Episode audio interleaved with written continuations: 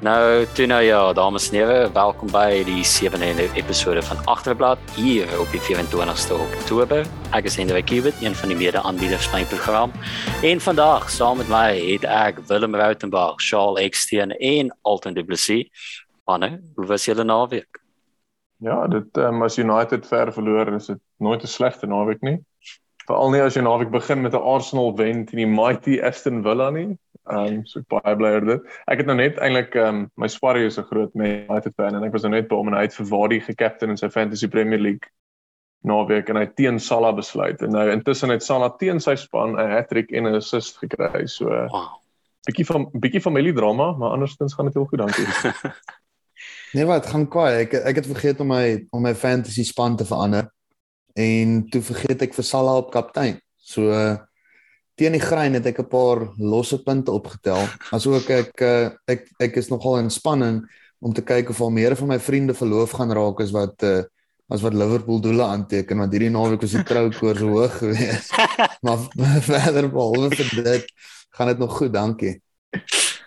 Ek het ek het in my fantasy league span uh, risk gevat en vir Odston Edward kaptein gemaak omdat ek oortuig was hy gaan een van sy 39 doelwedstryde hê. En toe op die ou end toe is dit Benteke wat skoor en toe word die laaste goal ook uitgerol deur VAR. My naweek was teleurstellend om die minste te sê. ja, kyk ook noem. Hmm. Net die skuis net oor die oor die sokker wat eintlik 'n baie vreemde naweek maak het ek het net 'n statistiek gelees so Watford dis nou dieselfde tyd as raai um, Crystal Palace game in die gang was ek het nou al twee gekyk Watford was 2-1 agter teen Everton na 75 minute en hulle is die eerste span in die geskiedenis van die Premier League wat na 75 minute agter is en dan met 3 goals wen. Wat dit net 'n absolute wow. verskriklike vreemde naweek gemaak het. En ehm um, ja, dit was ehm um, soos ons nou hier sit, sien ek Paul Pogba mag dalk 'n rooi kaart kry. Ja, oh, nice. Ja, ek, ek weet jy oor oor die Watford game. Ek het vir Ismaila Sarr in my span gehad en almal van Watford het klomp punte gekry behalwe Ismaila Sarr wat oh, letterlik hulle star winger is. Ek wil eers begin met dit, nee, ek ek wil net weer eens uitwys. Chelsea het die naweek 7-0 gewen. 7-0 dit verlyk soos in New Zealand US game in die rugby 7-0 en Kai Havertz vir ek gekaptein het het nie een goal of assist gekry in 7 doele. Ek weet nie hoe mense dit ooit reg het. Die enigste ou in die hele Chelsea span wat nie 'n enkele punt gekry het addisioneel nie. Hy is die grootste fraud wat ek ooit in my lewe gesien het. Sy naam is nou verbaan op hierdie program. Ek is bly dat ek vir altyd kan verwelkom na die week se episode want hoe dit wel maandag gegaan het vroeër in die week teen Palace. As dit 2-1 sou eindig, as dit nie vir daai laaste doel was teen Lekker het nie, het ek dalk nie verskyn die week nie. So in die agterblad Derby nommer 1 was dit dan 2-2 gewees. So dit was almal right geweest. So in elk geval wanneer dat ons ons kom by die nuus van die week van die blad af. Begin ons met die Springbok span wat vroeër die week aangekondig is vir die November toer. So ek vinnig die name af te ons later bespreek oor wie in is en wie uitgelaat is. As ek vinnig die name gaan, is dit Thomas Tutoy, Steven Kitzel, Vincent Koch, Ox en Shea, Trevor Nikane, Joseph Dweba, Malcolm Marks, Pongi en Benambi en Lot Jager. Saam met hulle is Evan Etzewet, Salman Murat wat sy eerste verskyn skyning maak in die Springbok squad, Marvin Orie, Sia Kolisi, Kwagga Smith, Marco van Staden, Dwayne Vermeulen, Jasper Wieser, Frank Moster en dan aan na die agterlyn spelers Herschel Jantjies, Kobus Reinagh, Grant Williams wat die enigste ander uncapped speler in die squad is Elton Jantjies, Andre Pollard, Pollard gaan jou arm Damien Delende, JC Creole, Shaul Extensive gunsteling speler, Apelele Fassi, Willie Leroux, uh Marcus William Pimpi Spoon Cozy, Damian Willemsen, François Stein. Dit is dan 'n Springbok span vir November toe. Ons sal nou uitkom by die debat rondom wie ingesluit is wie nie. Verder het ons die cricket wêreldbeker gehad. Um wel sover een van die grootste resultate ons later daar by praat vir al Alton was Namibia wat gekwalifiseer het vir eerste keer na die Super 12 groep fase van die wêreldbeker nadat hulle Ierland geklop het met 8 paltjies Vrydag. Verder het die groot kompetisie afgeskop Super 12 gedeelte met Suid-Afrika teen Australië waar Proteas gefaal het in Australië met 5 balkies verder het Engeland vir Wes-Indië met 6 balkies geklop en en vandag het Sri Lanka met 5 balkies gewen en teen die tyd wat ons nou hier opneem is Pakistan besig om gemaklik uh wel dit lyk asof hulle vir eers keer vir India gaan klop in 'n wêreldbeker soos wat tans staan. Verder soos ons nou genoem het met ons Fantasy League spanne was 'n bietjie van 'n wille naweek in die Premier League. So die tyd wat ons hierdie afneem 63 minute in is United besig om 5-0 te verloor. Um 5-0 at wonder of uh ons van daai kom of hulle afrigter nog teen die tyd wat die report gooi uh nog opgeneem word dalk nie gaan verskyn as ons nuwe sokker analis nie aangesien hy niks beter gaan hê om te doen nie. Uh City het 4-1 teen Brighton gewen. Uh Everton het 5-2 teen Watford verloor. Soos wat ons genoem het, en Chelsea het 7-0 gewen met Arsenal wat die naweek afgeskop het met 'n 3-1 wen teen Aston Villa. En dan in plaaslike cricket nuus het die Knights die plaaslike T20 reeks teen die Dolphins gewen Vrydag met sewe lopies en ook dan net laasens op plaaslike sportnuus is dit het dit vandag uitgekom vir vanoggend dat wêreld rugby in hulle ondersoek in Arasi Erasmus se uh, YouTube channel en video wat hy gepost het um dat dit bevind is dat hy 23 23 uit die 26 aanklagtes wat hy teenoor die skeieregter gemaak het in elk geval reg was. So vir meeste Suid-Afrikaners is dit nie veel van 'n skok dat rasie oor iets reg reg was nie. Ek sê bly dat die res van die wêreld ook tot by daai konsensus gekom het. Nou maar as ons kom by die uh debatfase by die loskram. Ons begin nou maar waar ons laasweek oor cricket Suid-Afrika gepraat het, praat ons nou maar oor die nasionale cricketspan. Hulle het die T20 Wêreldbeker geopen met 'n nederlaag teen Australië. Wat het ons gemaak van die wedstryd Alton? Ons begin by jou. Waar dink jy het dinge vir ons verkeerd gaan? Wat sê jy wat ons verloor? So voordat ek daarby kom, wil ek eers net hierdie wedstryd in in konteks plaas want ek dink baie mense verkeer half nog onder die miskonsepsie dat Australië een van die prima cricketlande is. Hulle is nie meer nie. Hierdie was regtig een van die wedstryde wat ons moes teiken in ons groep. Um ek het nou gaan kyk van Australië se laaste 20 T20 internasionale wedstryde het hulle net 6 gewen en dit het reeks nederlae teen Nieu-Seeland, Bangladesh en Wes-Indië wat selfs ons geklop het en wat gister vir 55 uitgebou is teen Engeland ingesluit het. Ehm um, so dit gesê, uh dink ek dit was 'n baie teleurstellende ehm um, vertoning en en wat vir my die mees teleurstellend daarvan was is dit het vir my amper voorgekom asof ons span en ons afrigters glad nie die voorbereidings daai ehm um, kwalifiserende toernooi wat Namibia ingespeel het, asof hulle dit glad nie gekyk het nie. Klomp van die paaltjies, Quentin de Kock se paaltjie, dit was so 'n swak opsie op daardie baanblaaie. Um selfs die Temba Bavuma uit is wat hy teruggespeel het na Glenn Maxwell toe. 'n Leek soos ek wat, wat wat na die kwalifiserende toernooi gekyk het, jy kon identifiseer dat dit is nie wat werk op daardie baanblaaie nie. Um en ek dink baie van ons kolwers sal uh baie baie teleurgesteld wees. Aiden Markram het goed vertoon, maar buite hom was daar niemand nie. Ehm um, ons bowlers het goed vertoon en Kagiso Rabada het daarom ook amper 20 lopies met die golf gekry. Ehm um, maar ja, ek dink dit voorspel nie goed vir die res van ons ehm um, toernooi nie. Ons moet regtig hierdie wedstryd geteken het en ja, hopelik kan ons bou op ons bowlers se goeie werk. Ja, ek wou net genoem het dis nou eintlik baie jammer dat ons nie 'n kolwer het in die nasionale ranks wat so of hier op 3 of 4 kan wet wat heel moontlik gewoond is in die blaaie en daai deel van die wêreld wat tipies 2 amper jy weet as hy twee meer lopies gehad het sou hy die top scorer in die IPL gewees het. Ja, hy het sy Instagram profile, kom sal hom pik. Hulle hulle nie uit as hy geadd kan word dan nie. Ja, en ag ek weet nie, gister was net vir my soos dit dit het maar dit baie mooi ge-highlight hoe ons eintlik vir iemand soos Faf mis in daai span want ons het um, ons het ge gesels gedurende die game en ons het gesê dat so om met om 'n T20 innings goed te speel, het jy 'n anker nodig. Iemand wat vir jou 70 of 80 lopies kry en dan die ander ouens wat jy weet wat vinnig soos 'n Bavuma, soos 'n vinnige 12 en 6 balle slaan of 'n soos 'n Rabada wat 'n vinnige 20 en 12 of 14 of hoeveel ook al balle hy gevat het slaan.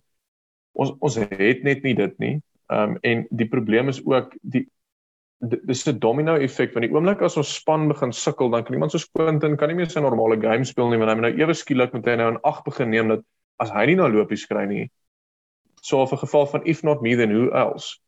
En ek ek voel dit sit baie druk op sy game ook en dan jy weet ek ek dink Quentin speel op sy beste as hy nie hoef te dink nie. As hy net kan speel en nou ewe skielik moet hy dink want jy weet die ouens val net links en regs van ek bedoel ek dink ons was 3 paaltjies af en Quentin het op daai kol nog net iets soos 3 of 4 balle gefeis En jy weet dis dis eintlik absurd om om dan van hom te verwag om sy normale game te speel met al daai wat rondom hom aangaan. Ja, ek ek dink met ons golflys, die probleem is ook ons het basies vier openingskolwers wat almal in 'n ry golf en ons het nie soos Willem gesê het 'n uh, behoorlike anker nie want as mens kyk na T20 internasionale krieket, die persoon wat jou ankerrol vervul, moet nog steeds teen 130 of 135 treftempo gaan. As jy kyk Baba Razam wat een van die stadiger ankers is, hy gaan teen 132, Virat Kohli gaan teen amper 140. Dis dis wat jy moet gaan en ek bedoel Themba Bavuma op stadige blaaie kan teen 110 en dis net te stadig en dit sit dan baie druk op die ander ouens om nader te kom en ek sê nie gister was Themba se skuld ek dink hy het baie goed begin en toe is 'n paaltjie bietjie weggegooi en daar's na, natuurlik okay daar's vinder dis 'n goeie bal gekry maar Quentin de Kok was um roekeloos gewees um en Andri Klaas en David Miller Dwayne Pretorius hulle het vir ons nou vir 'n lang tyd nog nie lopies gegee nie. Um maar maar ja uh ek ek dink ons kolfluis is regtig 'n groot probleem. En uh, ek dink dis waar dit 'n probleem raak dat ons ouens soos George Linde ook by die huis gelos het wat vir ons nog 'n ehm um, veelsidige speler kon gee.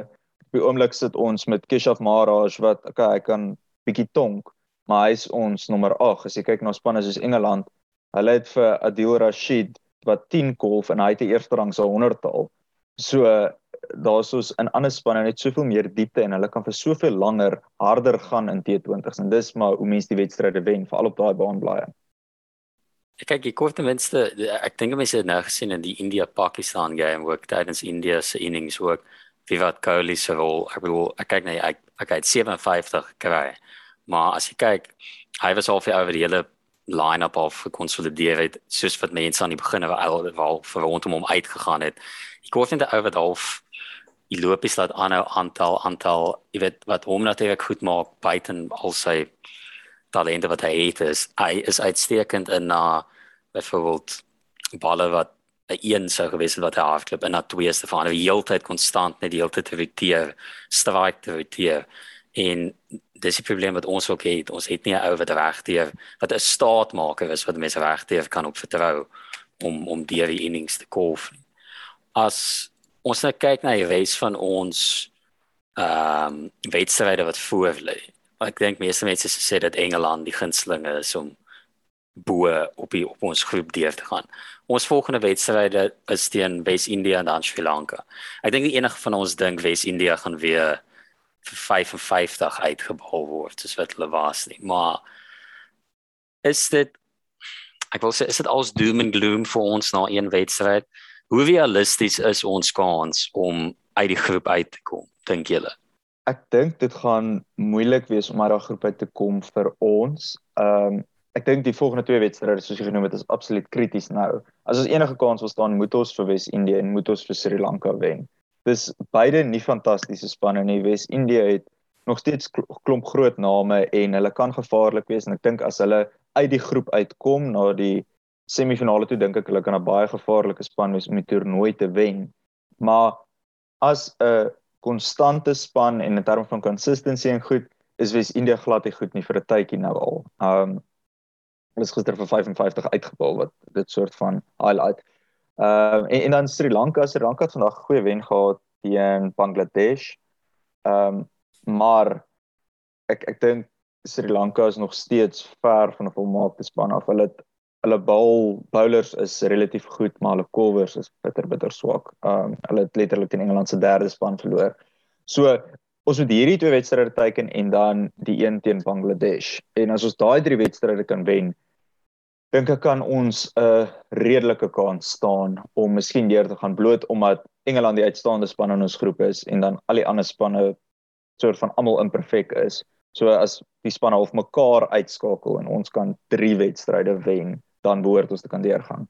Wat dit net moeilik maak nou is dit dit raak 'n eh, die permutasies vir ons om deur te gaan raak so kompleks want jy weet binne die eerste 5 overs het dit amper vir my gevoel asof ons hele wêreldbeker verby is want nou as ons teen Australië verloor beteken dit of ons moet hoop Engeland wen alles en ehm um, Australië verloor dalk teen Sri Lanka of teen Wes-Indië en ons kan op 'n manier vir Engeland wen. Maar nou, jy weet die verwagtinge wat nou basies op ons gesit word is elke wedstryd wat ons speel is nou 'n uitklopwedstryd. En soos ons almal weet, is Suid-Afrika nie bekend om goeie uitklop kriket te speel in die eerste plek nie.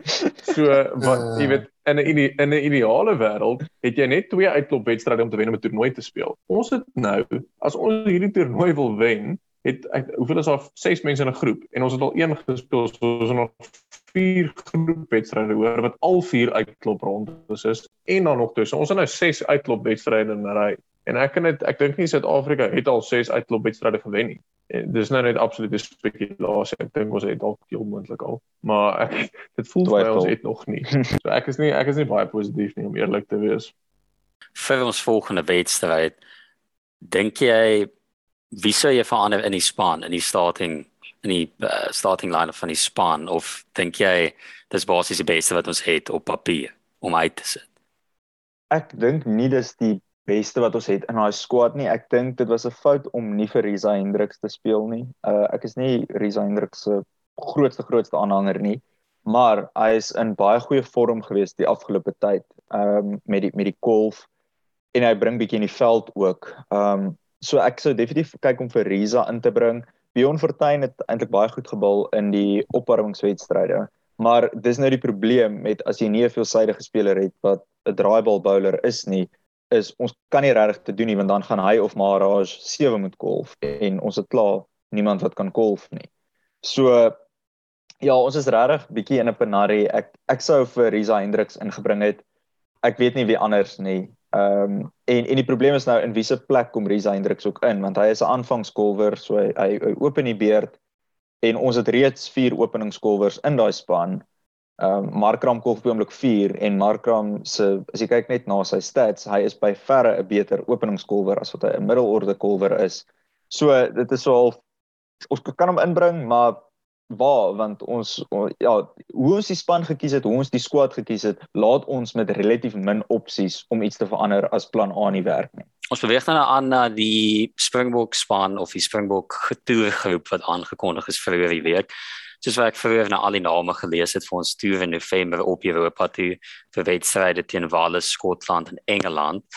Um baie dele in die algemeen gemaak van die toergroep wat aangekondig is. Ek dink dit was dit was wins ehm um, meer van dieselfde. Uh, ek kan nie sê ek het nie gedink dit gaan gebeur nie. Ek het geweet nie Naber en, en Erasmus gaan gaan met 'n bekende setup vir die einde van die jaar. Die Springbokke is in 'n moeilike posisie op hierdie oomblik. Hulle hulle is onder druk om die einde van die jaar wedstryde te wen. Maar ook terselfdertyd is hulle ook onder druk om om hulle volgende wêreldbeker span te kweek.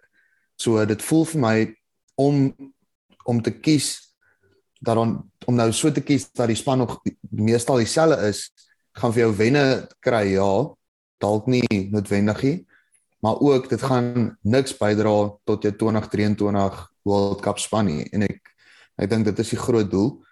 Uh verder ouens wat ek wou gehad het moes ingesluit gewees het is is eintlik maar net Wilko Lou. Ek hou net van hom, hy's 'n goeie een van die beste die beste skramwerkers in uh, in wêreld rugby en ek hou ook baie van geland, maar ja. Ja, kyk, so die Springbokke is soos wat hulle gesê het, ehm um, sverf sy 20 wedstryde oor totdat die volgende wêreldbeker weer op ons is. En Jock het in die week gesê toe hy die span aankondig dat vir hulle was dit belangrik om die groep spelers wat ehm um, teen die Britse en Ierse Lions speel het sowel as die rugby championship saam te hou en 'n mikpunt om half samehorigheid in die span te aanhou bou tot by 2023. Wat natuurlik in die een deel vir ons 'n goeie ding is want hulle probeer half by 'n wenne vir sê bly, maar wat ek al van julle wil vra wat wat my laat worry is dit laat my of dink daar is nie veel ruimte vir spelers om 'n indruk te maak om in die span in te kom voor die volgende wêreldbeker op ons is nie. Ja, kyk, ek dink iets wat mense in ag moet neem is dat die Bokke 2 jaar van die wêreldbeker siklus verloor het met COVID. En ek dink dis iets wat mense in ag moet neem as jy kyk na hoe hulle die span kies nou. Ek dink tradisioneel wat gebeur na wêreldbeker is 'n span begin 'n bietjie meer eksperimenteer. Ek dink ouens soos um Evan Roos, ek dink as dit 4 jaar voor 'n wêreldbeker was, sou hy 'n kans gekry het ouens um, soos Tyrone Green wat vir Harlequins speel in Engeland het regtig 'n baie goeie seisoen en 'n half gehad hierdie afgelope tyd. Harlequins het die eerste keer die Premiership gewen het in in hoe lank met ongelooflike opwindende rugby. Ek wil graag vir al ons luisteraars net aanmoedig gaan kyk bietjie net hoe Harlequins speel. Dis regtig opwindende rugby. Ek dink hy het ehm um, ek dink iemand soos hy sou kans gekry het. Ek dink iemand soos Geland sou kans gekry het. Maar die probleem waarmee ons sit is speel gemiddeld 10 toetse 'n jaar dan kan jy in ag neem dat binne in, in, in oor 'n 4 jaar siklus vir 'n wêreldbeker het jy omtrent 40 toetse waar jy uh 5 toetse kan gebruik om bietjie te eksperimenteer, jy kan 'n ander 5 gebruik om jou ouer ouens te speel met 'n bietjie jonger ouens, jy kan 'n paar toetse gebruik om heeltemal 'n nuwe span in te bring. Maar as jy net 20 toetse het of kom ons sê 25, 27, 28 toetse wat ook al vir 'n wêreldbeker op die einde van die dag is dit wat ons almal wil hê. Ons wil 'n wêreldbeker hê, maar ek dink as ondersteuners is ons ook ons wil ook 'n bietjie daai opwindende opwindende, ek kan pas sê faset wil ons ook hê. Ons wil ook hierdie jong ouetjies sien speel.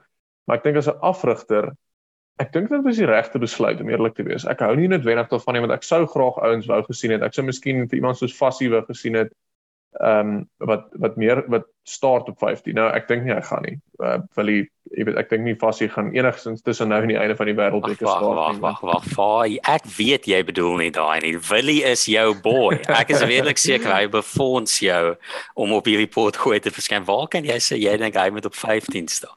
In plek van Willie Leroux. Kyk, dis omdat ek vir Willie wil beskerm. Ek wil oh, graag hê dat hy nog kan aanhou speel. Okay, okay. Ja ja, natuurlik, natuurlik. Ehm um, maar ek moet wel ook sê Willie het die 2017-18 um, Premiership seisoen vir Wasps geëindig as die top try assister en dit is eintlik wat ek eintlik dis wat ek argumenteer. Ek dink hy's 'n baie goeie playmaker wat 'n kritiese rol speel in die bokspan. Ja, hy was backline player of the year by hulle. Hmm. Ek dink hy was backline player of the year by hulle gewees. Hy het 'n ja. flippend goeie seisoen gehad by Wasps. Regtig uitstekende seisoen. Ja, nee, hy het dit in hom. Dis die ding wat ek dink en as jy reg onthou wat gebeur het in die wêreldbeker, vir die wat Chasing the Sun gekyk het, is na die ek dink dit was na die uh kwart eindrunde, uh ronde.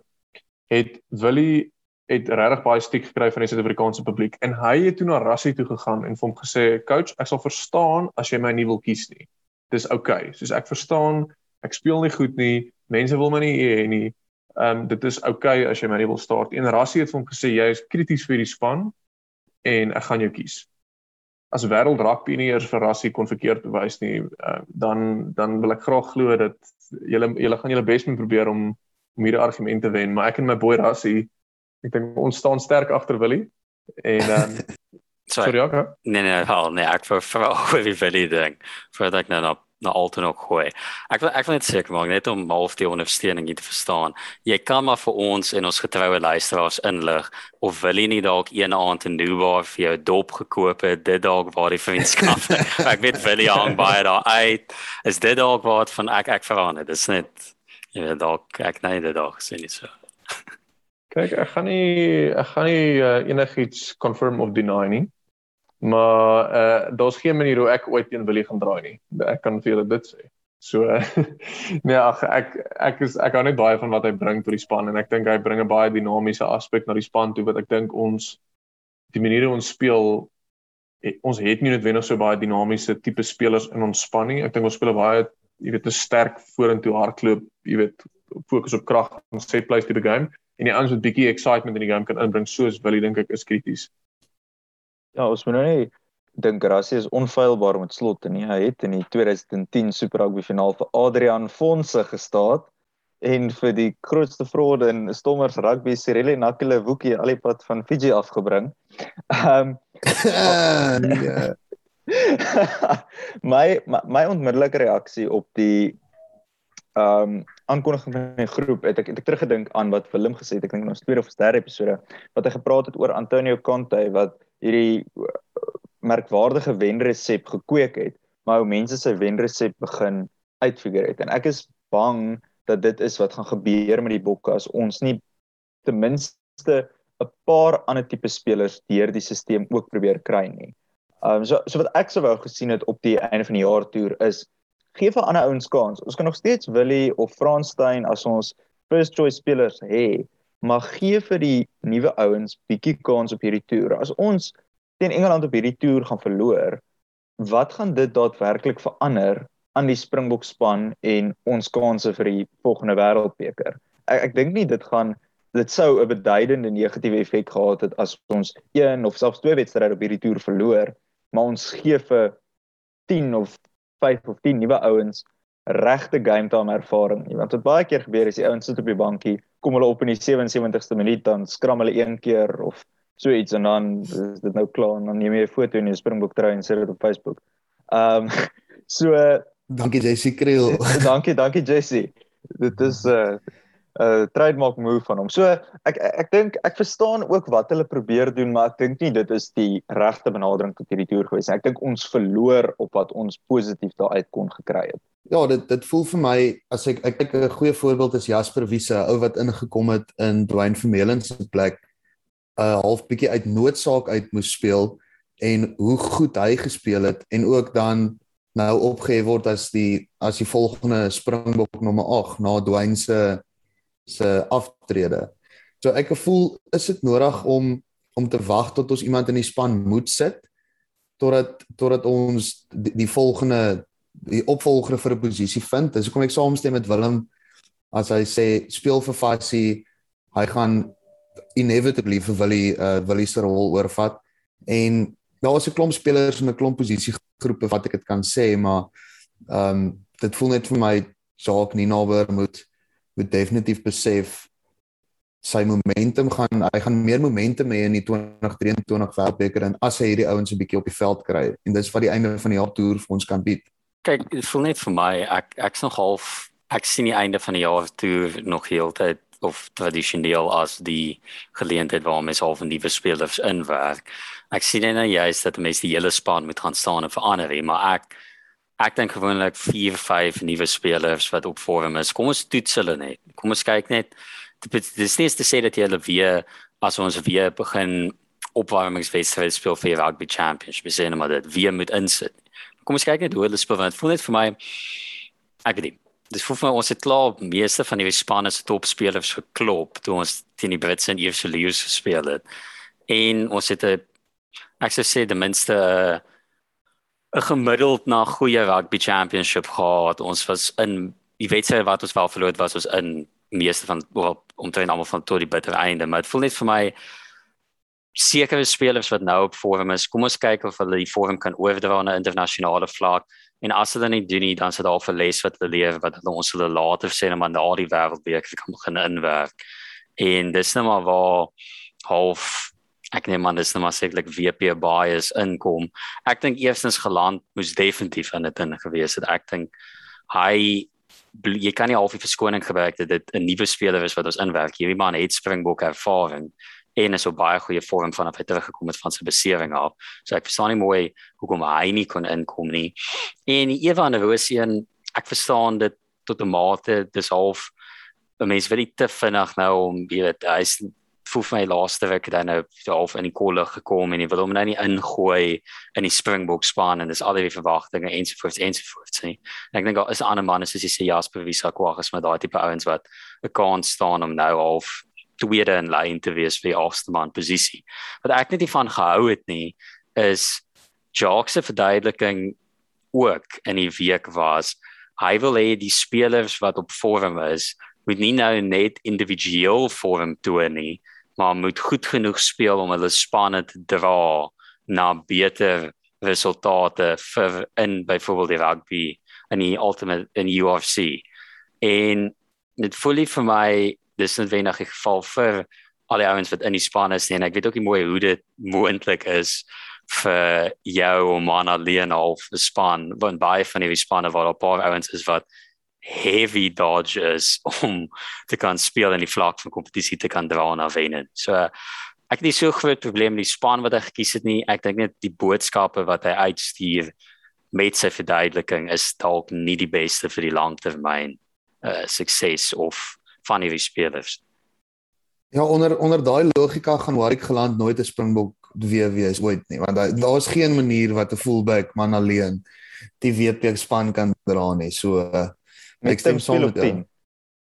Ja, hy Tim speel op 10. Moenie hy moenie moenie grap maak hier rassiese doppelganger. Wat moet iets beteken? ja, ek moet um, ek moet wel hierso ook my eie uh, argument vir rassie ook hier bietjie in die voet skiet. Uh, ek het uh, nou die dag 'n artikel gelees dat toe Rassie Erasmus by by die Stommers was dit Willie Leroux vir 'n um, 'n trial dag kom van Boland toe sê Rassie vir hom sorry Paul jy's nie goed genoeg vir die vir die WP nie. Het 'n lekker boekie gehad. Skies. Ja, dit is dis is maar taaf albei, hè. Maar 'n ander ding Henry wat ek eintlik ook wou um, eintlik wou aan met jou gesê het, dis dis 'n baie belangrike punt is die einde van die jaar toer is om te kyk of die ouens hulle vorm van provinsiale vlak kan oordra na nasionale games want ons dink baie vinnig dat hoe spelers speel in 'n in 'n wel dis nou nie meer nuwe land nie maar in die Kaapstad stadion met geen ondersteuners nie teen die Cheetahs hy gaan daai presiese vorm en vermoëns kan oordra na 'n wêreldbeker wedstryd in 'n semifinaal teen Nieu-Seeland toe en dit is net nie dit is net nie die geval nie maar daar's net een manier hoe jy gaan weet of hy dit gaan kan doen en dis om hom in 'n springbok try te sit in 'n jy weet en dan in 'n hoë druk wedstryd te speel. En ek dink Russell het al klaar eintlik hulle 35 man squad gekies. Ek dink iets wat mense ook in ag moet neem is ons kyk nou na hierdie span en ons dink, "Ag, oh, jy weet X, Y en Z kon ook ingemaak het." Ons vergeet dat Pieter Steff de Toy is nie in die squad nie. Hy stap in die wêreldbeker span in. Jason Colby Ja, is nie daar nie. Hy stap in die span in. Faf de Klerk is nie in die span nie. Hy stap daar. Ons het 'n klomp ouens wat wat regtig mainstays in die span is wat al, wat al klaar nie in die squad is nie. So dis dis regtig 'n baie moeilike squad om actually in te breek. En van al die probleme wat SA Rugby al gehad het oor die afgelope 10 jaar, is dit definitief een van die beter probleme wat ons al gehad het.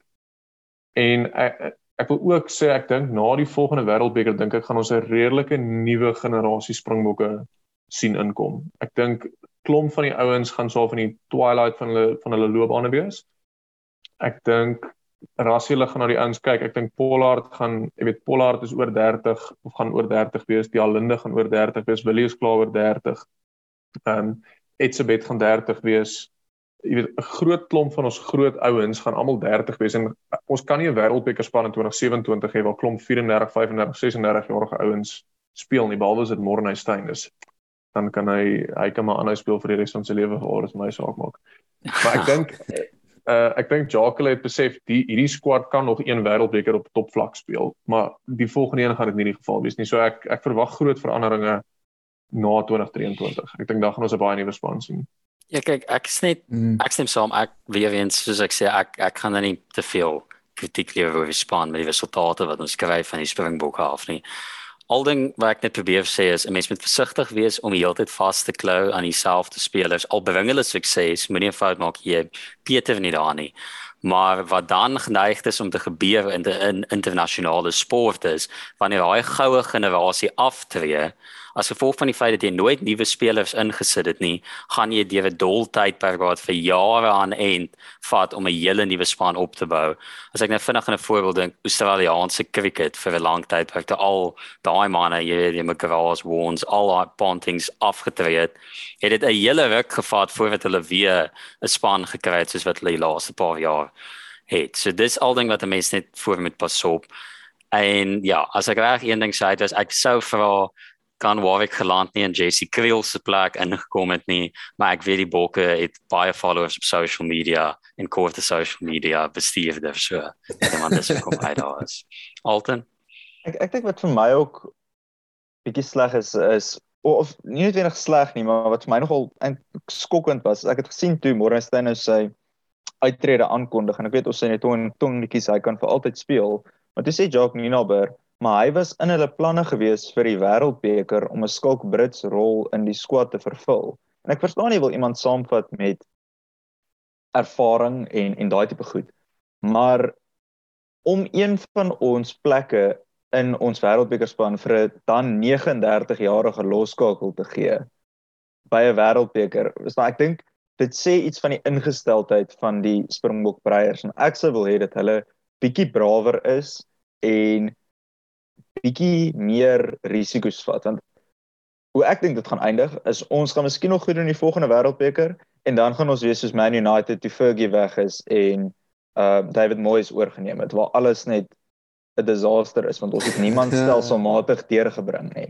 Um en dis soos jy sê dis wat by Cricket Australië gebeur het. Warren McGrath, alle ouens het op en Ponting het op dieselfde tyd geloop en toe het hulle niemand oor nie. Toe het hulle intree niemand in hulle span het meer as 20 toetse gespeel het buite Michael Clark nie. En, en dan waartoe gaan jy? Want dan jy klomp jong ou ouens. Dan ja, ek ek dink net ons hoewel dit miskien nog kan werk vir die volgende wêreldbeker op die lang termyn dink ek is ons besig om onsself te kneelter.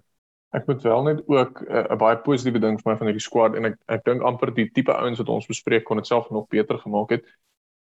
Is in 2015 het ons 'n uh, Springbok squad in ons en ons was baie wil ek amper sê kontroversie oor dit want ons het ek dink amper as ek reg onthou was daar 8 of 9, nou 9 spelers van kleur in die squad en dit was 'n baie transformeer, jy weet, transformasie was 'n groot issue en mense baie daaroor gepraat en almal het na die die trans of die die um, spelers van kleure gekyk en altyd gewonder maar is hierdie ou nou net hier om die nommers op te maak? Die squad wat ons nou het, niemand van ons het 'n oog niemand het gedink die die die gesprekke wat ons het is ons weet hierdie ouens wat ons gekies het is goed. Die gesprek wat ons het is meer ons sou dalk 'n nuwe ouetjie wou sien of 'n opwindende ou. 15 uit hierdie squad is spelers van kleur. Dit is baie baie naby aan 50%. Een meer speler as ons 50% en dit is vir my net ongelooflik goed hoe Rassie en Jacques dit reg gekry het om die span te transformeer sonder dat die land en sonder dat die ondersteuners dit eintlik agterkom. En dit is op die einde van die dag wat jy wil hê met transformasie. Jy wil nie hê mense moet heeltyd na die spelers van kleur kyk en wonder is hy net hier omdat hy 'n speler van kleur is nie. Ons weet die ouens wat gekies is is daar omdat hulle regtig baie goed is. En dit is my dis my 'n baie positiewe ding en dit het vir my 'n warm gevoel gegee toe ek toe ek dit lees en eintlik eers later die dag begin gedink het o, Jesusie, kom ek kyk actually wat is hoe lyk ons transformasie en toe sien dit is so positief.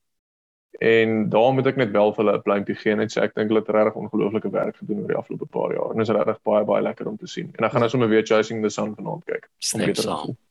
Ja, ek dink dis vir my is amper die groot verskil tussen SA rugby en cricket Suid-Afrika sien waar die weier onderbou van rugby in Suid-Afrika as ek kyk na transformasie goed is ook baie gesond. Daar's baie spelers van kleur wat nog maklik in daai squad kon gekom het. Ek dink ouens soos Pepsi Buthelezi wat fantastiese rugby speel. Um ek geland, Aktiva Daimane, daar's klomp regtig nog baie goeie spelers wat in en om daai groep kan wees wat deurkom en ek dink cricket Suid-Afrika moet regtig gaan kers uh, gaan kers opsteek by SA rugby want hulle het strukture in plek gestel wat help dat ons 'n groter deel van ons land inbring in 'n sport en, en dis hoekom ons level kan aanhou opgaan want ons het 'n groot hoeveelheid mense wat hoë kaliber afrigting en geleenthede kry in 'n sport en dis hoe mens dit reg kry. Nou op die noot van cricket, ons het vinnig vroeër gepraat oor Namibia en hulle kwalifikasie na die volgende ronde van die wêreldbeker. Nou ons dalf in die week tussen mekaar begin raak aan gesprekke rondom hoe mense 'n sport in 'n land groei. En dis nou in konteks half van die FSA New Zealand wedstryd wat gister plaasgevind het. Nou net om konteks te gee van hoe groot prestasie dit was vir Namibia om te kwalifiseer vir die wêreldbeker. Alton is hier dalk vir almal 'n vinnige uh opsomming van die storie net te gee van die reis wat hulle moes deurgaan om te kwalifiseer vir die toernooi. Okay, great. Uh so in kort, Namibië het van al die spanne wat in die Wêreldbeker gespeel het, die langste roete gehad om daar te kom. Hulle moes 23 kwalifiserende wedstryde speel oor 4 toernooie. Uh hulle kwalifikasieringsreis het meer as 3 jaar gelede begin in Botswana waar hulle op 'n matblad of 'n mat pitch, daai wat jy by laerskole in Brackenfell sien, um het op so 'n blad begin en hulle het vir Eswatini geklop in daai wedstryd die destydse Swaziland en in daai toernooi het hulle actually teen Botswana verloor um in cricket en dit is net dit is regtig een van die beste stories van die jaar hoe hulle hulle self opgebou het. Vir konteks, Namibië is 'n land van 2.5 miljoen mense. Daar's 9 cricketvelde in Namibië, in die hele Namibië. Daar's meer cricketvelde in Stellenbosch as in Namibië. Hulle het net 5 cricketklubs, so daar's ook meer cricketklubs in Stellenbosch as in Namibië en net 16 spelers wat gekontrakteer is. So daar's moontlik meer gekontrakteerde spelers in Stellenbosch ook. Ehm um, so dit is regtig hulle het hierdie lang amper fairy tale journey gehad hulle het voor hierdie toernooi nog nie eens 'n wedstryd gewen in 'n wêreldbeker nie en dit het vir Nederland en vir Ierland wat 'n toetspelende land is geklop. Ehm um, so dit is regtig 'n fairy tale journey gewees. Ehm um, en ja, ek, dit is basies hulle storie in kort. Ja kyk, dit dit pas nou in half in die gesprek wat ons nou het van hoe die Springbok hulle span getransformeer het en hoe jy half spoor het van die grassroots level op opbou. Nou in die week het dit ook uitgekom dat die FSA ehm um, of was dit bespreek dat die FSA uh 'n B ingesit het om die of die 2027 of 2031 rugby wêreldbeker te hou in die FSA en daar was nou klomp berigte oor die wedstryd wat hulle nou gister teen Nieu-Seeland gespeel het. Ons almal weet hoe dit gegaan het. Dis eintlik maar net grap gewees. Groot stories in die week gewees oor klubs wat nie Amerikaanse spelers wil toelaat om die nasionale span te join nie. Ehm um, daar was mense wat gesê het Nieu-Seeland kon hulle busdrywer gespeel het en gewen het. Ek is redelik seker hulle kon die reserve busdrywer gespeel het en nog steeds gewen het. So ek vind dit al vir julle hoor met die Namibia storie en dan 'n half die die gesprekke rondom waar pas Amerika in wêreldrugby en is dit 'n land wat half 'n wêreldmag in die sport kan word? Wat dink julle is essensieel vir 'n land om 'n sport op te bou tot op so 'n vlak dat die nasionale span kan presteer. Is dit slegs groot bevolking van te kies soos wat Amerika dalk het, befondsing, waarna sou julle kyk en wat dink julle is half die wende resep om dit reg te kry? Nee, ek ek dink Amerika hulle word baie aangeskryf as 'n 'n slee 'n wat doen dit 'n slapende reus, 'n sleeping giant wat net uh, in terme van rugby dit het so groot bevolking en en hulle is so bekend vir hulle atletiese onder hulle bevolking dat dit moet een of ander tyd moet Amerika deurbraak maak. Gaan dit gebeur in die volgende 10 jaar? Ehm um, ek dink so nie. En dis dink ek ook jy hulle met die wêreldbeker uh host nie. Maar bevolkingsgrootte is een ding, maar daar is lande wat vir ons anders bewys ek dink die groot ding is net deelname. Nie net van spelers af nie, maar ook toeskouers. Daar 'n bietjie aanhitsing is vir ouens om om te speel. Ek dink dit is Amerika se grootste probleem op hierdie oomblik. Ja, ek ek dink Amerika gaan so goed wees soos wat hulle wil wees op die einde van die dag. Ek dink as jy die so so die groot probleem wat Amerika op die kruks van die saak eintlik maar is die feit dat hulle al klaar 'n sport het in die in American football waar groot fisiese sterk ouens gaan speel. Maar die probleem is, sit jouself in hulle skoene. Jy is 'n baie sterk vinnige atleet. Jy kan 'n college beurs kry.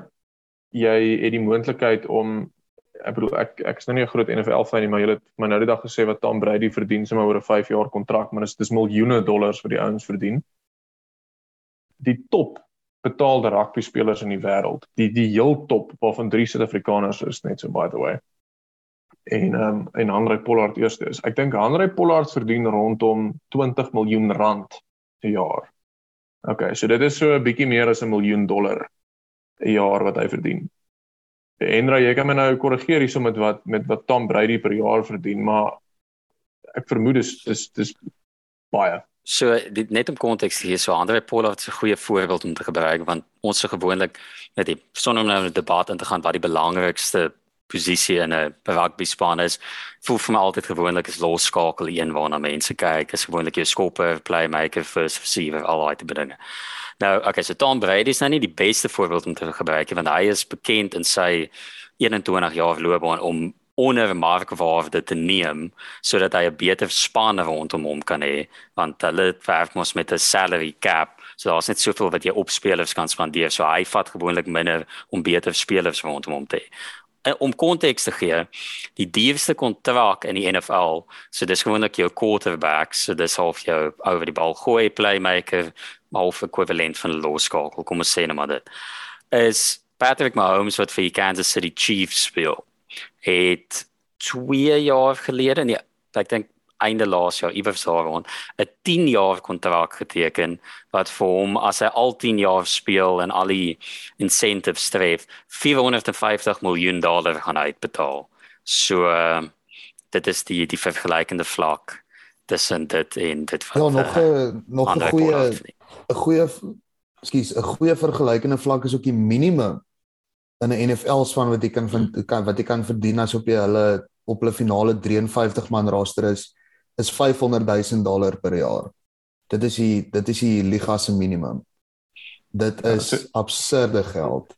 So so wys vir my die wys vir my die ou wat as hy die vermoë het om dit te doen gaan nee sê vir dit om in Amerika 'n salaris van baie baie minder en ook net ek wil net gou vinnig sê ons nie eintlik 'n debat oor wie die belangrikste speler op die veld is ons almal weet is Willie Leroux hy is die belangrikste speler op die veld nou daar kry man nou nog 'n dubbel as hy in die waar is goeie in my hart ja. So ag ek ek dink maar net dit weer eens ek het vroeër gesê hulle gaan so goed wees as wat hulle wil wees. Ek dink net nie die incentives is daar vir vir atletiese spelers. Spelers wat hulle sal nodig hê in 'n nasionale span wat regtig baie goed sal wees om NFL op te gee vir rugby nie. So wat basies gaan gebeur is ouens wat dit nie maak in die NFL nie, gaan afskuif rugby toe. En ek dink net nie dit is jy weet hulle hulle dit gaan definitief opgaan. Ek dink hulle het in van 2004 tot 2011 het rugby participation in Amerika met iets soos 350% gestyg. Maar op die oomblik dink ek het hulle 100 gerig, 100 000 geregistreerde spelers. Suid-Afrika het 400 en 434 000 geregistreerde spelers dink ek. So ek bedoel as 'n land so klein soos ons so baie ouens kan hê, ja, hulle gaan groei, maar hulle gaan net nooit die top deel van hulle land, die top atlete wat regtig daai spansel goed maak, gaan hulle net nooit kan kry nie. En dis hoekom ek dink hulle kan, maar ek dink hulle gaan nie. Ja, ons ons sien in cricket, dit is interessant hoe Amerika nou probeer om hulle cricket te groei. Um wat hulle klomp spelers wat dit nie kon maak in ander lande nie. En so Sami Aslam wat vir Pakistan dink hy het 5 of 10 toetse gespeel. Hy's na Amerika toe, hy gaan nou vir Amerika speel. Rusty Tron van Suid-Afrika speel reeds vir Amerika. Justin Dill van Suid-Afrika is na Amerika toe. Um hy probeer dit nou daar maak. Um op die breër gesprekke, ek dink nie bevolkingsgrootte speel so groot rol soos mense dink nie. Um as jy kyk na Indië in cricket as 'n goeie voorbeeld. Van die 60 miljoen cricketspelers wat hulle skat daar in die wêreld is, mense wat cricket speel, skat hulle 55 miljoen van hulle is in Indië. So met ander woorde, ek weet nie of dit seker naby aan 95% van die totale cricketspelers in die wêreld is in Indië. Tog het Indië een wêreldbeker gewen in die afgelope 10 jaar. Hulle hou nie op die oomblik een van die wêreldbekers of die World Test Championship nie. En hulle was vir net 47 uit die afgelope 120 maande nommer 1 op die wêreldranglys vir toetskriket. So ek dink om net te sê bevolkingsgrootte, ek dink nie dit is dit nie. En ek dink ook geld is ook nie noodwendig dit nie. Ek dink daar's amper hierdie intangible ding van samehorigheid en goeie afrigting en goed wat spanne deurdra. As jy kyk Nieu-Seeland het 5 miljoen mense, maar hulle is naby aan eerste in rugby, hulle is naby aan eerste in amper elke formaat in cricket. Um en dis nie omdat hulle baie geld het nie, hulle cricket raad is van die armste rade so ek ek dink daar's amper 'n intangible ding. Namibië het niks geld nie. Hulle het nie eens cricketvelde nie. Um en hulle het nie baie cricketspelers nie, maar daar's iets wat dit ja, maak. Terloops Indië het nou net met 10 paaltjies teen Pakistan verloor. So um so ja, ek ek, ek dink daar's is iets anders wat moontlik tot sukses lei. Kyk, die ding is net so om Willems is wat jy net nou met die NFL speler dink. So as ons dit nou as 'n voorbeeld vat, so in Amerikaanse sport is die NFL koning. Hulle nederig ding uitbring het 55% van die land is aktiewe kykers van NFL. So in so 'n wese land ek bedoel daar daar's nie 'n sport wat naby aan dit kom by hulle nie. So daar's net 1696 plekke beskikbaar oor 32 spanne om professioneel te speel. So natuurlik wat baie spelers nou nou doen as hulle dit nie maak nie, gaan speel hulle in die Kanadese liga ensovoorts ensovoorts. Die ding waarmee hulle sit, soos wat julle ook sê, so as die talentpool groter die argument sou wees, is die rede hoekom meeste mense aan sê Amerikaanse sokker is veronderstel om so goed te gedoen het. Nou, jy kan wel sê dat die Amerikaanse daar's al hoe meer Amerikaanse spelers wat vir top Europese klubs begin speel um in sokker, Pulisic, McKenzie, al daai tipe spelers. So en hulle hou die 2026 2026 ja, sokker wêreldbeker word in Amerika, Kanada en Mexiko.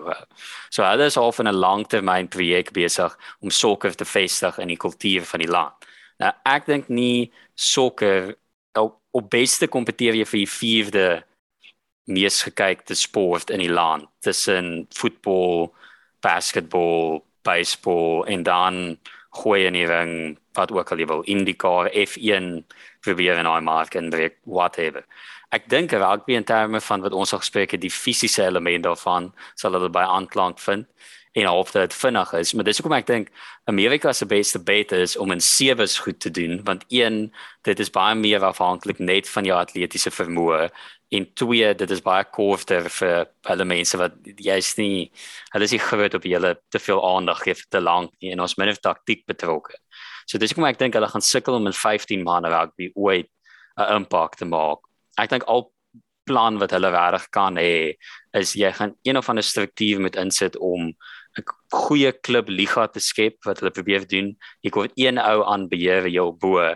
En dis wat my laat dink ons vergeet natuurlik die die, die, die belangrikste posisie op die rugbyveld in Suid-Afrika is die waterdraer en daar's 'n sekere waterdraer wat gelink word na die Engeland werk na 2023 wat ek nie eens wil noem nie maar ek wonder hoeveel hulle sou betaal om iemand soos hom in beheer te hê om so 'n projek aan te pak is dalk iets waaraan 'n mens kan dink in plaas van om al 114 14 te verloor teen die wêreld se tweede beste span. Hy sê tweede beste waterboy ooit na Adam Sandler se.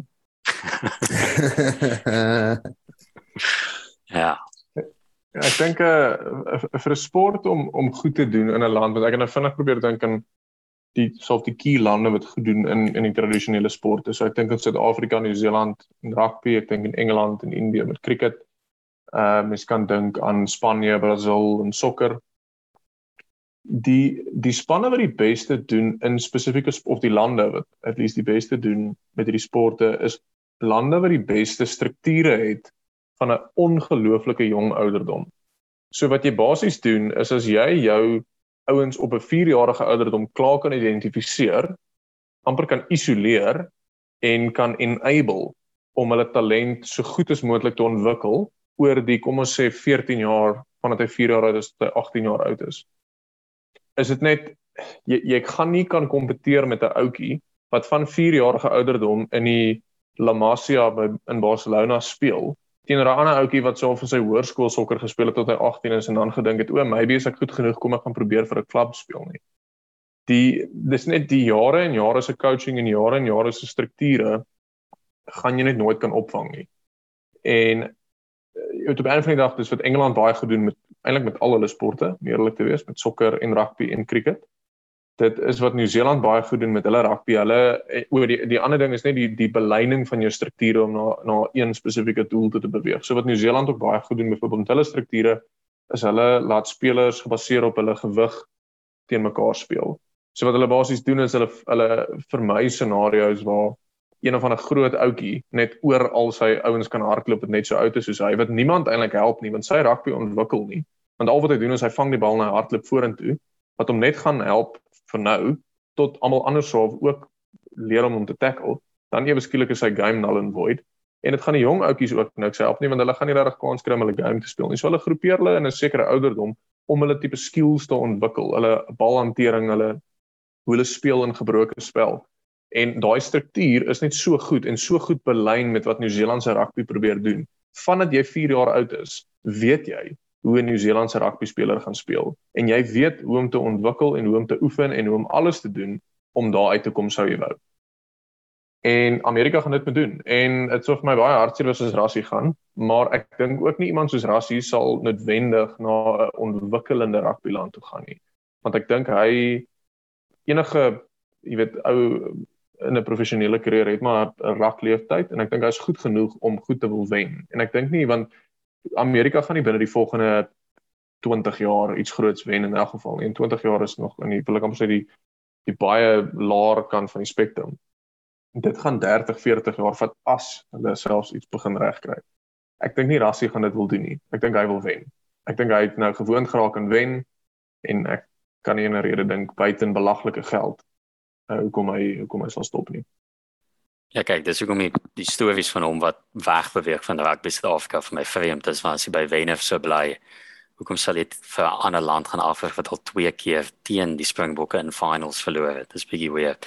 Maar aan die ander kant is wat jy sê, ek dink jy mense sal sweet vir ander nie, maar so 10 miljoen dollar per jaar klink nie klink nog 'n bietjie oortuigend. So, ons sal sien. Ehm um, manne, dit vat ons dan nou na ons eie kompetisie waar ons 'n kultuur van wenner skook, die tellbord waar elkeen van julle 30 sekondes het om die beste argumente te lewer vir die vrae wat ek aan julle rig. En dan sal ek die punte toe ken aan die beste argument. Nou ons begin eerstens by waar ons vroeër gesels het by Morvenay Stein. Groot Moras het die week aangekondig dat hy uit te weer uit internasionale rugby uit, uit te weer uit met 68 uh, caps in sy naam 742 punte, twee wenne teen die Britse en Ierse Lions en 'n Tri Nations ook saam met die Bokke. So my vraag aan julle is is Morvenay Stein 'n top 10 springbok van alle tye. En dan nou indien nie waar val hy in die ranglys van top springbokke of self top springbok loskakels. Shaw, ons begin by jou. Okay, so ek het eh, 'n uh, hele tydjie terug het ek 'n uh, so artikel gelees van SA Rugby, dis vra hulle wie is die beste springbok van alle tye? Hulle sê hulle dis Osdurant. So dit was bietjie spekulerend, maar hulle het hulle het gesaai dat hy het so baie wedstryde gespeel oor so baie toernooie dat dit vir hom die die die die, die oorhand gegee het oor enige ander ou. Nou as jy kyk na wat Mornestein hoe baie hy gespeel het vir die Springbokke in verskillende toernooie en wat hy als wat hy al als gewen het, dink ek ja, definitief Morras behoort in die top te wees van van bokspelers. Ja, kyk, ja, ek ben net by die buzzer ingesit. Dit is nog ons soos wat Morra se doen gewoonlik. Nou, Alton So vir my, ek dink Mornstein, hy's 'n baie goeie springbok geweest, maar hy is nie vir my op daai boonste trappie van springbok nie. Ek dink ouens soos Percy Montgomery, Victor Matfield, ehm um, daai tipe ouens sit vir my in daai heel boonste kategorie. En dan soort van net onder hulle sit die ouens wat baie goed was en baie beteken het vir SA rugby maar wat net nie daar is nie. As jy dink aan ouens soos Morney Stein, um ek, ek probeer nou dink dink aan nog wat ek daar sal sit. Miskien ouens self soos um Joe van die Kerk, seker tipe ouens wat regtig goed was vir SA rugby, al het hy net wenig anders, maar wat net nie daar heel bo is nie. Ek dink soos ons vroeër gesê het, iemand wat goed op provinsiale vlak speel, dis nie net al noodwendig altyd maklik om na dieselfde vorm oor te dra na nasionale vlak toe nie ek dink Bornstein is die beste springbok wat sy game kon elevate van 'n provinsiale vlak na nasionale vlak toe. Ek dink daai ou het eis weet eis in sy are. Ehm um, hy het vir ons die Britse en Ierse leeu's reeks twee keer gewen, 12 jaar uitmekaar uit. Ek weet nie of hy top 10 van alle tye bokke is nie, maar hy is definitief in die top 10 loskakels van alle tye van die bokke, maar ek sou hom gesit het vir die bokke. Okay, nou dan net net op die positive daar.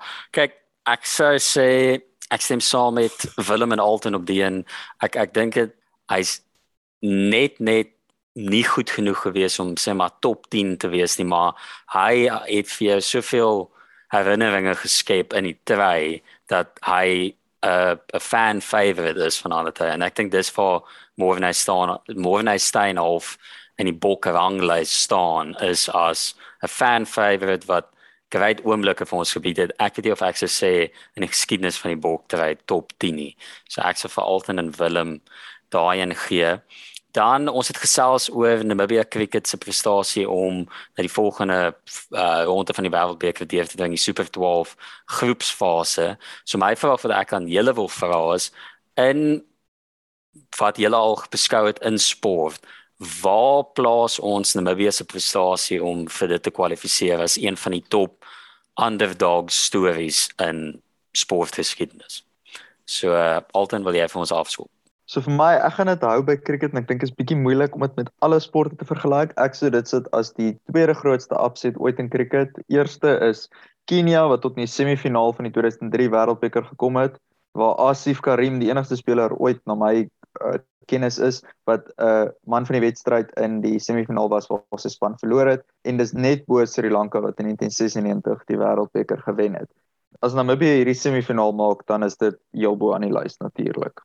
So ek gaan hom wegvat van cricket bloot omdat ek nie aan 'n meer kontroversiële cricket beslissing kan dink nie. Uh die Uruguay Fiji game vir my die vorige wêreldbeker waar Uruguay vir Fiji gewen het, was my regtig 'n fenominale underdog storie. Uh om net te kyk hoe die Uruguay manne so na die tyd gepraat het en hoe passievol hulle oor daai wen was, het my regtig um hoendervleis gegee. En ek dink Namibia is definitief hoër, maar as ek in 'n as ek in 'n ander Ek dink dis nou nog te vroeg om te sê want as Bafana Bafana in Qatar deurdring na die kwartfinaal en 'n 97ste minuut doel verby die doelwagter sloot om deur te gaan na die semifinaal toe mag dit dalk die grootste opset van alle tye wees by verre. Kyk, ek ek kan glo jy dit net by kwart eindstryd gooi. Jy besef as ons qualifies het al die pad finaal toe en ons stop nie. Oh, wel, Hendrik, ek probeer realisties wees. So. O, okay, ja, ja, okay, ja, kom ons hou dit. Ja. Evidence maar Koppa met die golden boot, surely. Definitief. Ek hoop ten minste as, as die Bafana volg half die Springbok route en bring naam van die golden oldies terug. As Sepiwa Chabalala nie in die squad is vir daai World Cup, as ons qualify nie, is dit 'n groot skandaal. Nee, kyk, ek sal daar sê ek punte vir Alton gee binne in cricket konteks en ek dink die storie wat vir is ook baie goed. En ons sal sien hoe goed Namibia vaar in die race van die toernooi. Okay, dit bring ons dan tot die einde van die tellbord. So, dan wil ek vir julle manne vra die week en die agterblad se saal van die room ons held van die week. Wie het vir julle uitgestaan in die voorafgaande week van sport? So vir my kan nie verder kyk as Namibia se cricket nie, maar spesifiek Gerard Erasmus is my held van die week. Hy het anders as klomp van die ander spelers wat van Suid-Afrika afkom of van ander plekke afkom. Hy het van Namibië, hy was 'n kaptein in elke ouderdomsgroep van onder 13 af met cricket en hy en sy pa bestuur amper die hele Namibiese cricketraad en ek dink dit was vir hom net 'n absoluut ongelooflike oomblik gewees het van trots en van okay ons het hierdie gedoen en alles wat ons gedoen het is die moeite werd. Toe hy die toe David Wiese die wenlopies geslaan het teen Ierland. Great shout Willem. Kyk, dit voel vir my as as dit as my held van die week nie Willie Leroux is nie, dan is dit een van 'n fantasy uh voetbalspeler wat wat dit vir my maak en uh, dit gaan Mo Salah vir my moet wees met 'n um, met 'n captain's rol wat vir my meer as 50 punte of nee nee ek vermoed dit sal dalk 'n bietjie minder as 50 wees, maar dit gaan baie naby aan die 50 merk wees. Met bonuspunte gaan hy 48 punte vir my ingekry hierdie week. So dit is baie goed vir almal anders buite in United voel dit vir my maar ek dink Mo Salah het net weer bewys vanaand dat hy is op hierdie oomblik in die wêreld die beste speler na my mening of hy is in die beste vorm ten minste. En uh, ek dink hy het, hy het regtig goed gedoen hierdie week. Dis 'n goeie shot. Ek dan net so baie vel nou met vier in Sky Havers is definitief nie my held van die week nie in elk geval shot. My held van die week of my helde van die week is die Pakistanse cricketspan wat vir Indië so verrompel het om hulle eerste wen oor Indië te kry in 'n in 'n wêreldbeker. Ek dink dit ek het dit glad nie verwag nie. Ek dink hierdie naweek gaan 'n paar manne by die sports betting uh nie tevrede wees nie op hulle multiplier gaan nie afkom vir hulle nie, maar ek uh, ek moet sê ek is ek is baie bly om te sien dat dat Pakistan hulle self nou vestig as 'n as 'n as 'n force in 'n uh, wêreldkriket en veral in die T20 spel. Ja, shot, link vir my of asof jy is uit die 10 rand op Pakistan wen gehad het die die die naweek. Uh ek het kort kragtig gehou. Ek gaan dit ook by Erasmus hou. Ek gaan dit by ons boy Erasio wat saam met sy prokureur wat ook Erasmus is. Um basies nou uitgekom het vandag die wêreldrak besonder versoek het. So ver ek verstaan waantoe dit lean is dat die man onskuldig bevind is. Sy reg was op meeste van die punte wat hy gemaak het. Die hashtag free Erasio weer eens man is uit die uit die selle uit sy YouTube page is nou weer op pad om wit warm te raak en ja ek sien uit om hom langs die kant van die veld te sien in November toe. Nou, dit is die eindvlekkie wat ons vang, so ons tree nou beseringstyd in. So wat ek vir julle manne wil vra is, waarna moet ons uitkyk in die week van sport wat voor ons wag? Alton. So vir my cricket wêreldbeker, ek wil sien hoe die Proteas vir Wes-Indië uitbal vir 54 het. Ons wil vir nog minder uitbal as wat Engeland hulle voor uitgebal het. okay, goeie shot. Ek weet nie mooi of jy drome gaan waar word nie, maar kom ons hoop vir die beste met daai. So Willem, waarna moet ons uitkyk in die week wat voor lê? So ek sien baie uit na vanaand se F1 as my krag aan gaan wees wat ek vermoed dit nie gaan wees nie wat baie jammer gaan wees maar ek dink dit gaan 'n baie binnende resies wees. Max Verstappen en Lewis Hamilton 1 en 2 op die op die grid. Ek dink dit gaan baie dit gaan 'n baie fiercely contested race wees. En ja ek dink ook op daai noot ehm um, en ry jy help ons op binnende nuus oor oor agterbladse uitbreiding. Ek weet nie of jy dit miskien nou wil deel nie Ja, kyk, so dit is iets 'n ek uitsien wat die week gaan uitkom. Ons het 'n spesiale spesialiserings episode van Agterblad wat ons voorlê die week Agterblad ekstra ekstra waar ek en Frans wil begin gaan gesels oor die US Grand Prix, oor wat vir ons voorlê die manne wat op die grid gaan uh, uitry volgende jaar vir die seisoen. So ons gaan also vir F1 gesels. So dit is ek vat al die woorde uit my mond uit. Dit is waarna ek uitsien vir die week in die wêreld van sport. Uh Shaul, wil jy vir ons afsluit? Ek sien verskriklik uit na al die bespiegeling rondom uh wie gaan verskeie sokkerspanne afrig die twee die groot twee Uniteds in die liga. Ehm um, ons ek vermoed Oulay gaan sy job verloor en wie dit gaan vat kan op ouende bepaal wie Newcastle se manager gaan raak. So ek sien 'n bietjie uit om uh, om sokker Twitter en so dop te hou en daar gaan my krag nou af. Ehm um, maar ja, nee, ehm um, ek sien uit na na al die sosiale media berigte wat wat gaan uitkom daaruit. Ja, nou voor dit Manchester United al ons ligte afskakel voor ons oor al die praat, is dit dan vir ons die einde van die week se episode. Ek wil sê dankie aan al die manne wat die weekie was, almal wat dit geluister het. En ek sien ons ek sien uit na die volgende episode. Tot dan. Totsiens.